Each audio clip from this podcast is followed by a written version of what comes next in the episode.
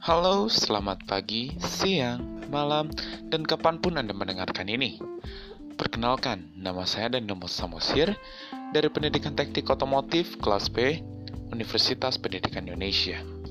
Di sini saya akan menjelaskan mengenai dinamika dan tantangan Pancasila sebagai dasar negara. Yang pertama, saya akan menjelaskan mengenai dinamika Pancasila sebagai dasar negara. Dinamika adalah merupakan gerak masyarakat secara terus-menerus yang menimbulkan perubahan dalam tata hidup masyarakat yang berbangsa dan bernegara. Nah, dinamika dalam sejarah bangsa Indonesia memperlihatkan adanya pasang surut dalam pemahaman dan pelaksanaan nilai-nilai Pancasila. Dan selain itu pula, dinamika Pancasila di Indonesia ini sering kali kedapatan menyimpang dari nilai-nilai Pancasila itu sendiri. Nah, pada masa kepemimpinan Soekarno, sebagaimana yang diketahui bahwa sebenarnya Soekarno adalah termasuk salah seorang perumus Pancasila, bahkan penggali dan memberi nama untuk dasar negara. Dalam hal ini, Soekarno memahami kedudukan Pancasila sebagai ideologi negara. Namun, pada pemerintahannya, ideologi Pancasila sering kali mengalami pasang surut karena tercampur dengan ideologi komunisme dalam konsep Nasakom. Nah, jika kita melihat pada era reformasi, Pancasila sebagai ideologi negara juga mengalami pasang surut dengan beberapa tanda seperti enggaknya para penyelenggara negara mewancanakan tentang Pancasila dan bahkan berujung pada hilangnya Pancasila dari kurikulum nasional.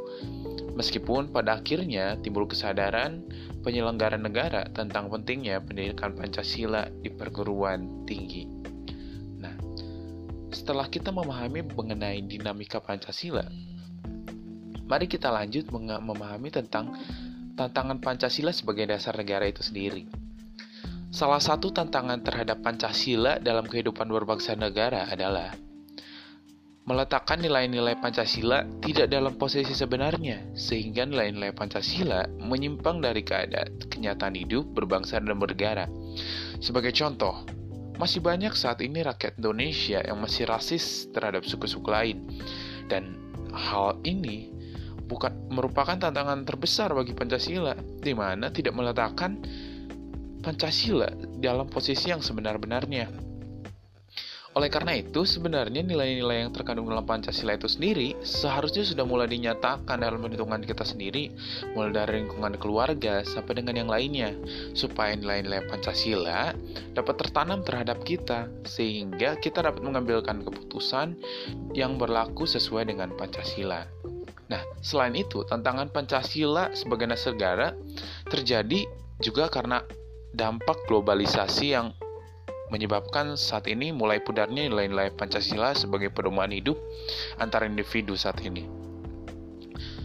Eh, nah, untuk mencegah hal itu sebenarnya seharusnya kita uh, mulai memperkenalkan Pancasila pada generasi muda saat ini gitu.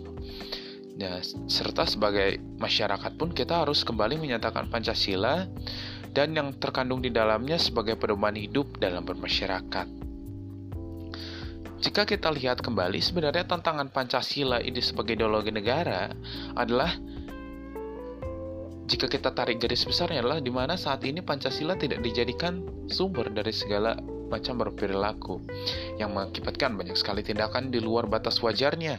Antara lain kasus korupsi yang semakin merajalela narkoba yang terus membesar yang mengakibatkan tidak adanya pengertian mengenai Pancasila serta tidak menjadikan Pancasila sebagai pandangan hidupnya. Dan contoh kasus lain terhadap Pancasila, maksudnya terhadap tantangan Pancasila ini sendiri adalah terjadinya penolakan terhadap Pancasila sebagai ideologi gitu. Contohnya sebagai teror contohnya kasus terorisme yang terjadi dalam bentuk pemaksaan kendak melalui kekerasan. Nah, hal ini merupakan bertentangan gitu dengan nilai toleransi berkeyakinan, hak-hak asasi manusia dan semangat persatuan. Mungkin hanya segitu yang bisa saya bagikan. Mohon maaf bila masih terdapat kekurangan. Terima kasih.